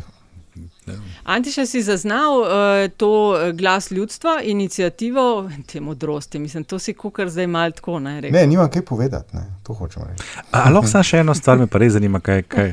Kje pa vidite, recimo Levica dobi po tam malem deset poslancev, jaz opažam, da je velik. Um, To delam zdaj samo zato, da bo še več majčk kupil. Um, uh, opažam tudi, da se mnogo kateri, pa ne samo intelektualci iz leve, leve, od sredine, zatekajo k levici kot k v bistvu edini alternativi, ker jo ne prepoznavajo, točno to, kar smo malo že nakazovali. Ne? Uh, neke konkretne programske usmeritve. Tudi če se spomnite unga prvega nastopa po razglasitvi koalicije za volitve, takrat na Trgu Republike, uh, se mi zdi, da je imel mesec še najbolj uh, jasno artikulirane uh, cilje in zahteve njihove, oziroma kaj pričakujejo po volitvah. Um, tako da bi utegnili prijeti, mogoče res, ja, oni tudi na kakšnih 15, ne, mogoče če s to ljudsko inicijativo, o kateri bomo govorili, uh, uh, če bodo se uspešno povezali z njimi, mogoče še celo kakšnega več. Ne. Ampak kje, kje, pa, kje pa to, kar si rekel, Antiša, ne, bojo morali sodelovati, pa pravite, so, pre, so, so prestali uh, učna leta. Kje pa jih vidite v vladi, kje, kje ministrstva vidite? da bi pa levica morala prevzeti, da bi v največji meri lahko uresničevala svoj program. Ja, po mojem delu, eh, se pravi okolje, uh, se pravi, ki skrbi tudi za stanovansko, stanovansko problematiko. Financ verjetno ne bodo dobili, ne, ampak tudi finance, recimo. Ne, to so tako, rekel, generično povezani z kultura, mogoče kultura. Ja, kultura, šolstvo, tako, ideološki aparat tako, države. Mogoče s tem. Ja, sama veš, glih obrniti bi mogli. V moji državi bi take stranke. Čez druge uh, resore dobivali. Ne tisti, kjer so oni, kar močni, pa to, kar smo zdaj našteli, ne na finance, na obrambo, na policijo. Nataša, for president. Jaz bi, jaz bi tukaj e, e, eno historično samo pombo. Veste, kdo je bil najslabši britanski finančni minister v zgodovini, ever, celega imperija, tisočletnega? Ne. Ne, ali jaš. Winston Churchill, 1924. Mater, pa sem ga hotel reči. Človek je Veliko Britanijo spravil v, v gospodarsko depresijo pet let pred uh, veliko gospodarsko depresijo leta 1929. Ja, samo zato, ker je bil tako zajebano nesposoben za finance. Tako da ne, ne ljudje delajo tisto, kar znajo. No, no jaz sem imel po mislih uh, infrastrukturno ministrstvo. Ja, Če smo tudi, ugotavljali, ja. da se tam pretakajo ogromne količine denarja, da je tam energetika, ki je uh, ključen del zelenih programov in oni so tle najbolj aktivni. Uh, Ne, zdaj sam upam, da pol ne bi na nas tretje vsi iz Koroške do Dolenske dobili kolesarsko stezo tam. Ej, Andra, Andraš in Aljaš, jaz bi vaju samo obvestila, ker verjetno nista pokukala na WhatsApp eh, od ekipe. Vse smo videli. Vse ste videli, da Antiša že trka 75 75 minut. 35, 35 krat 2 plus 5 smo, ja. Ja, da je Antiša. No. Ja, pa bomo kaj glasno pustili za naslednjič. Yeah. A, a glas ja, ljudstva pustimo za naslednjič. To je zdaj v času, ko snemamo, je že 77 organizacij noter, gre za pač inicijativo, ki bo politične stranke pred volitvami naslovila s konkretnimi zahtevami. Imajo spletno stran, na kateri so precej tega že artikulirali, ampak si zaslužijo več kot par sekund, verjetno. Ja, in Voda. točno v 77 minuti smo tako, da absolutno. In zelo se navizuje na to, uh, kar smo ravno kar govorili, na levico namreč, ker sem jih že pred dvakrat omenil kar nadaljeval. Jaz sem bil velik. Uh, Politvizarka, ne, ne, ne, čak, ne, ne to, to želim povedati. Jaz sem bil velik fan uh, sred 80-ih novih družbenih gibanj. Jaz sem to takrat kot najstnik v bistvu še opozval, pa sem šel kmalo zatem na faks in sem to tudi malo v študiju obdeloval. Jaz sem takrat zaznal v tem nek potencial, da bi Slovenija ob tistem prehodu namesto da bi šla v staro, klasično parlamentarno demokracijo, prevzela nek model asociativne demokracije, ki bi imele te organizacije pomembno vlogo, pa smo šli pol, je vega, sto let nazaj. Um, ta, ta inicijativa je malo spominja na tisti duh, duh unga časa in na, na, na tiste gibanja takrat. Se, mislim, da se v nekaterih pogledih tudi malo prekrivajo, da so neki zelo isti ljudje zraven. Uh, jaz vidim to zelo, kot zelo pozitiven moment. Jaz sem že danes uh, povedal, zelo črnogledo sicer ugotavljal, da smo izgubili 30 let, da, da se bojim, da nismo še čist na dnu in da bo treba pač to družbo začeti nekje v enem trenutku začeti graditi, kar je nikoli čez res nismo zgradili. In da v tem nezaupanju politični sistem ne moramo računati ne samo zato, ker češ ni izbere, ampak zato, ker nihče več ne zaupa temu sistemu. Ne moramo računati na parlamentarno demokracijo na tak način, da bomo se zanesli, da bomo enkrat na štiri leta dali svoj glas in da se bodo potem stvari kar same od sebe rešile. Ne, ker je bil ker je to v bistvu jedro problema, ker smo točno tako razmišljali. In ta inicijativa se mi zdi en dober korak v tej smeri, referendum je to tudi lepo pokazal, tukaj so se pojavljale neke nove, neke nove sile, mlajše generacije in se mi zdi zelo v redu pristop. Ne? Eh, zdaj, seveda, eh, oklitla so se za ljudsko skupščino, če to so predlogi ljudstva, to je seveda delač od tega, ne? to je pač ena ožja skupina, ki ima svoje, svoje pričakovanja, nekateri med njimi so me zelo blizu, nekateri zelo daleč, ampak korak, inicijativa se mi zdi pa tako fajn, kot se mi je zdela inicijativa obeh televizij, da so se združili v tisti oddaji, znač kakršna koli pa že bila. Um, na ta način se da nekam prideti, da se ta civilna družba uh, angažira, da to niso in upam, da to ne bodo samo. Uh, ti, ki so zdaj, ne, da se bodo pojavile še kakšne druge skupine, ker se mi zdi to zelo fajn pristop. Evo, tle le naših sto zahtev, pričakovanj, kako koli mi rečemo, stranke, opredelite se za njih. Ko se boste, vam bomo povedali, da damo svoj glas ali ne. In potem, seveda, še bolj pomembno, jih tudi naslednje štiri leta spremljaš in si njihov najstarejši kritik. Ne. To je po mojem edini način, da se začne nekaj na novo graditi, zato to, kar so naredili Ako prav se z mnogo katero zahtevo ne strinjam, uh, srčno pozdravljam. Ja, jaz bi se tukaj kar pridružil, no? ker uh, na nek način to po eni strani uh, uh, dela novo generacijo civilne družbe, ki se je angažirala okoli refer referenduma o vodi. Uh, in očitno želi ta moment nadaljevati, kar je samo za pozdrav, prosim, bravo, čestitam. Uh, hkrati pa uh, rešuje tudi, da rečem, problem strankarskih, pomankanja strankarske domišljije, ne? ker ti v bistvu nekdo drug pove, kaj so ta hip. Uh, Pomembno vprašanje za pomemben del volivnega telesa, in se pač ti kot stranka lepo do tega opredeliš. In pok, imaš pol programa že narejenega. Uh, in tretje, kar je, tudi kar se medijev tiče, daje nek drug benchmark za presojo strankarskih programov, kar je, se pravi, da rečem, drugo mnenje, kar je pa vedno tudi dobrodošlo za neko zdravo javno debato. Tako da res, kot si rekel, Andraš, to je samo za pozdraviti in ploskati. Ja, ja, odlična pobuda. Veš, kaj me spomni, ne da je primerljivo, ampak prav deset let tedni mineva od. Tiste naše pobude, prostori svobode, Andraš, ali Aljaš, ti se boš spomnil, ker si pri uh -huh. sodeloval.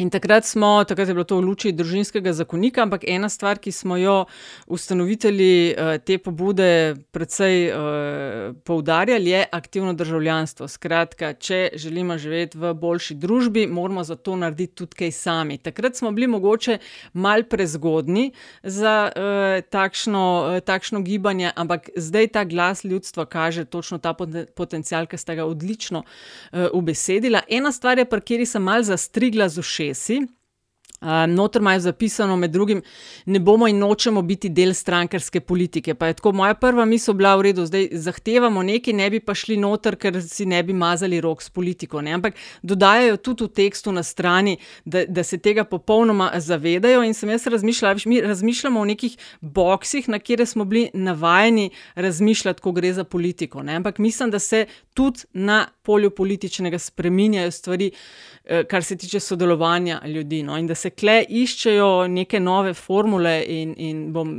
res z velikim zanimanjem spremljala. Rast te, te pobude in vpliv, ne? ker mi so mi všeč tudi take, taki projekti, kot je uh, obljuba dela dolg ali nekaj takšnega, ki ga ostro, pa danes je nov dan skupaj delati. Ker politika nekaj obljubi, oni pa preverjajo, kaj od obljubljenega je bilo narejeno. No? Tako da kažejo se neke spremembe no? na, na, na boljš, da bi se ta apatija volivcev in volivk lahko mogoče prekinila. In, ampak ne bo odpadl z neba, ne, ne bo se samo od sebe. Ki pa in tudi dolg, dolg, dolg proces bo to, ampak vsako inicijativo v tej smeri je treba pozdraviti in stopiti korak nazaj, uh, tako kot je tudi uh, za Anžbesa v klopci poskusil. Ne? ne gre, ne smemo kar takoj plant posem pa začeti kritizirati z tistih naših, vaših pozicij. Ne, ne. Mislim, to je res, to so zadnje rešilne bilke za to družbo. Tudi če se, ko sem še prej, še enkrat bom ponovil, jaz se z marsikatero zahtevo tam zelo ne strinjam, ampak inicijativa je prava smer, to, to je to in upam, da bo še več takih. Ne. Antiša, zdaj pa nekaj malo govoriti, pa ne samo res. Za polit bizarko. Čist tu mač, res. Do, mislim, ja. sem si vzel, vzel, vzel, sem si, vzel sem si odr in ne neham in ne neham. Ne. Ne, neč, mislim, da je pa bod prvi, no, pri politiki. Kaj, a že, ali kaj, a že gremo na politike? Ja, ne, kaj, kaj smo, lej, se smo. Zdaj gre avizo, ne? Uh, zdaj gre avizo, ja. In nastopi polit bizarka, v kateri izpostavljamo tako malo bolj čudne in nenavadne poteze um, iz vrhov politike in politične scene. Izvoli. Od nekod se je pojavila ministrica za šolstvo, znanost in kar je še teh zadev. Ne? Je šla na televizijo in je rekla, potem ko je prišla iz Tokija, pa iz Pariza, pa ne vem, kje je bila, ne? ker to so res pomembne stvari, je rekla, da bo ponovno kandidirala na volitvah. In jaz sem rekel, pa kako, pa kje si bila? Zdaj si se pa pol leta pred volitvami, si se pa zmislila, da boš kandidirala na volitvah. Kje si bila pa do zdaj? Bizarno do konca. Simona, Kuste, Simona Kustec, ki je v političnem uh, stanju gobec, ne, dokler ta vdaja še je na nacionalki, uh, je napovedala, da bo kandidirala na, uh, mislim, tako sem razumel, na parlamentarnih volitvah, oziroma da bo še naprej delovala v politiki. Od nekod se je pojavila. Ja, res. Lej, žal se ne Bravo. more klonirati. A, ja. Žal se ne more klonirati. Žal ali pa na srečo. Ne? Ok, se pravi, ti imaš kustec, uh, Andraš, ti si izbral kaj? Uh, jaz imam pa v bistvu samo en del tvita od Damira Črnčeca, ki me je narit vrgel, ker sem ga začel brati, sicer si šel odkole. Marca 2020 smo v vlada Šarec Marjem preprečili Bergamo scenarij s hitrim ukrepanjem, naprimer prepoved obučeli koncerta v Stožicah itd. Aj, aj treba še kaj dodati. Uh, koncert je ponovno, mimo grede, pre, predstavljen ne, na drugo leto enkrat. Ne. Tam je res nasmejal. Ali jaš, kaj si pa ti izbral?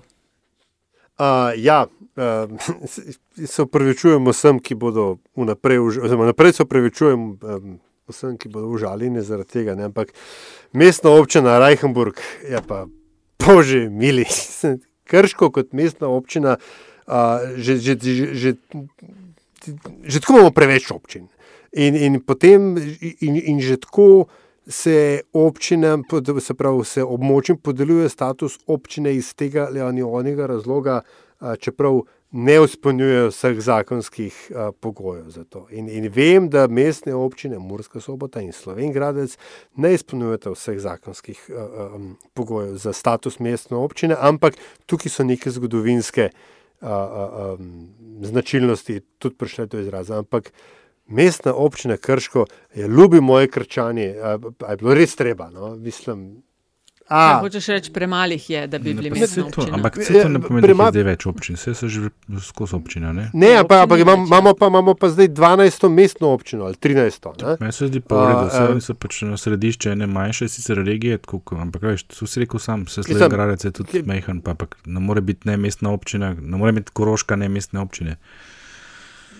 Kera pokrajina pa ima zdaj kaj, posavljam pa zdaj mestno občino, pa, ka- pa kam Pa kako je lahko, statistična regija. Aljaš, kako je lahko jedrska elektrarna v nečem, kar ni mestna občina? Ja, sam. Ja, recimo, no, to, Mislim- ja, to, to, to, to je bolj. Jaz ne vem, kako kočev je še ni mestna občina. Mislim, No, ne ali pa to. Pa Ja. zakaj, bre, zakaj Brežce niso mestna občina, če smo že pri tem? Mi smo tam center. Ja, no, lej, pa še pa moja politbizarka, ki smo jo uh, razčetverali že v začetku debate, v prvi uri Oprost. debate. ne, sej si je zaslužila takšno, tako da bom zdaj kratka. Uh, performance v stari elektrarni, ne? performance 3, 3 v 1. Meni se je zdelo gomila bizarnega. Od tega, da tiskovka, ki mi je bolj zgledala kot nekako skrbno režirana mono predstava z gosti. Uh, do tega, da veš, neko upiranje temu, kar se dogaja, pri čemer je GNI firma, ki je veselo oglaševala v tovarnah sovraštva, sovraštva in jih pomagala razvijati. eh, Te tovarne, ki ga zdaj so ali pa ga režejo. In ta tretji element te bizarnosti mi je ta gostujoči performer, eh, Brigadir Krkovič. No, včeraj sem eh, Janšov sodelavec in konspirator, ta njegov napad, zgodba o dolancih, snežičih in rezanju goloba. In da niti ne omenjam, kaj njega kvalificira za svetovalca uprave genij brigadirja. Skratka, ta performance 3 v 1 je pa moja bizarka. In smo pri zadnjih 30. Zdaj pa res, zdaj pa res že čist pri koncu. Ful, hvala, ker ste zdržali do tukaj. Kako pa veš, da Kdo so? Želiš štartati? bom jaz, bom jaz uh, štartil um, in ostal v Krškem, ker moram, uh, če še niste uh, videli, jo toplo priporočam, uh, predstavo reformatorjev oziroma reformatorja na odru. Uh, ki jo izvajata Nik Škrlec in Boštjan Gorin s Pižama, kjer glavno vlogo igrata Juri Dalmatin in Adam Bohorič, ki sta se srečala v, na latinski šoli v Krškem in sta potem skupaj s Trubarom odigrala ključno vlogo pri oblikovanju eh, in kodifikaciji slovenskega jezika. Skratka, reformatorji na odru eh, močno priporočam, sploh če imate mulce, ki so tam okoli 12 ali več let, je ogled eh, obvezen. Andraš, recimo. Ja, um, prav iz petem zdaj to vam potegnil, malo sem gruntal, kaj sem gledal zadnje čase, celo sem šel brskati, kaj vedno pol po IMDB-ju gledam detajle, sploh trivija me zelo intrigira. Sem se pa na koncu odločil za dokumentarc, ki je bil nedeljo na TV Slovenija 2, verjetno, uh, španska gripa, ne vem točno, kako je bil naslov, uh, ki mi je zelo zanimiv, predvsem zaradi usporednic, ki si ti ne hote ali pa hote, seveda, vse čas porajajo, ko ga gledaš. Ne vem, če ste gledali. Uh, kako so reagirali takrat, kako danes, uh, vključno in še posebej z maskami. Uh, zanimivo, mislim, kako v, v stoletjih uh, in teh stoletjih se je zgodilo marsikaj. Uh, predvsem ta odziv populusa ni bistveno drugačen, kot je bil takrat. Ne. Ta del me je najbolj presenetil, pa tudi, tudi ta gospodarski, oziroma politični in tako naprej. Tako, z tega vidika, gledati z, z tega aspekta, zelo, zelo fajn dokumentarc. Uh, Antiša, če dovoliš, bi tebe prišparala za konec. Seveda, seveda. Boge, reš. Jaz pa to moje bo pa priporočilo za ne par bodicami. Priporočam uh, film Jezdeci pravice na Ljubljanskem filmskem festivalu, se ga da videti. Uh, danski film, v glavni vlogi Mats Mikkelsen, nekateri se ga boste mogoče spomnili iz filma Nažgani, uh, prejel je Oscarja za tujejezični film. Uh, Zdaj pa par budic. Um, je, ker je pač zaradi COVID-a so izvedli festival v hibridni varianti, kar se mene tiče na srečo. Nekateri filmi so, se pravi, na voljo na video on demand, ne vsi. Um, ne štekam sicer najbolj fore, da v primeru velikega zanimanja je, ko piše na strani film, lahko tudi razprodan, čeprav ga gledaš doma, recimo si ga downloadaš, tega ne štekam. No pa. Mm, 9 evrov za vstopnico in to za online ogled se mi tudi mogoče zdi malo velik, uh, ampak uh, vsekakor priporočam. No, par filmov sem si ogledala, ampak tega pa jezdeci pravice, Life 32. In tudi jaz bom ostal v kulturnih vodah. Prejšnji teden je uh, bila predstavljena zelo zanimiva knjiga zgodovinarke Barbare Vodopivec, ki se posveča vili Ebenspanger. Ebenspanger uh, to je vila, ki je danes dom Društva slovenskih pisateljev, je resta, gor je restauracija Pen in jo verjetno velika, velika, velika večina uh, poslušalcev tako ali drugače pozna. Drobna knjižica se posveča zgodovini te vile, kdo jo je naseljeval, kakšna je bila njena pot od uh, polovice 19. stoletja do danes in jo uh, toplo, toplo priporočam uh, v branje in uh, lastništvo in položaj na knjižni policiji. In tem smo veselo pripeljali do konca 74. epizodo podcasta LDGD. Eh, res lepa hvala, da ste bili z nami, lepa hvala za investicije in majčke so na poti, ene pa še pridejo. Hvala za potrpežljivost in prijazna sporočila, ki nam jih pošiljate. Kaj ima še kdo kaj reči za na koncu? Ja, če bomo še 3 minute govorili, bomo imeli pa točno uro, pa 35 minut. A veš, da sem tam. samo za, Vsaj na 5 samo za eno No, veš, vsaj 35 nekaj, ne. sekund. Samo za eno uro bomo predolgi, ne? Sem, kdo pa to opazuje? Pa brez zamere. pa brez zamere in uživajte, dokler lahko.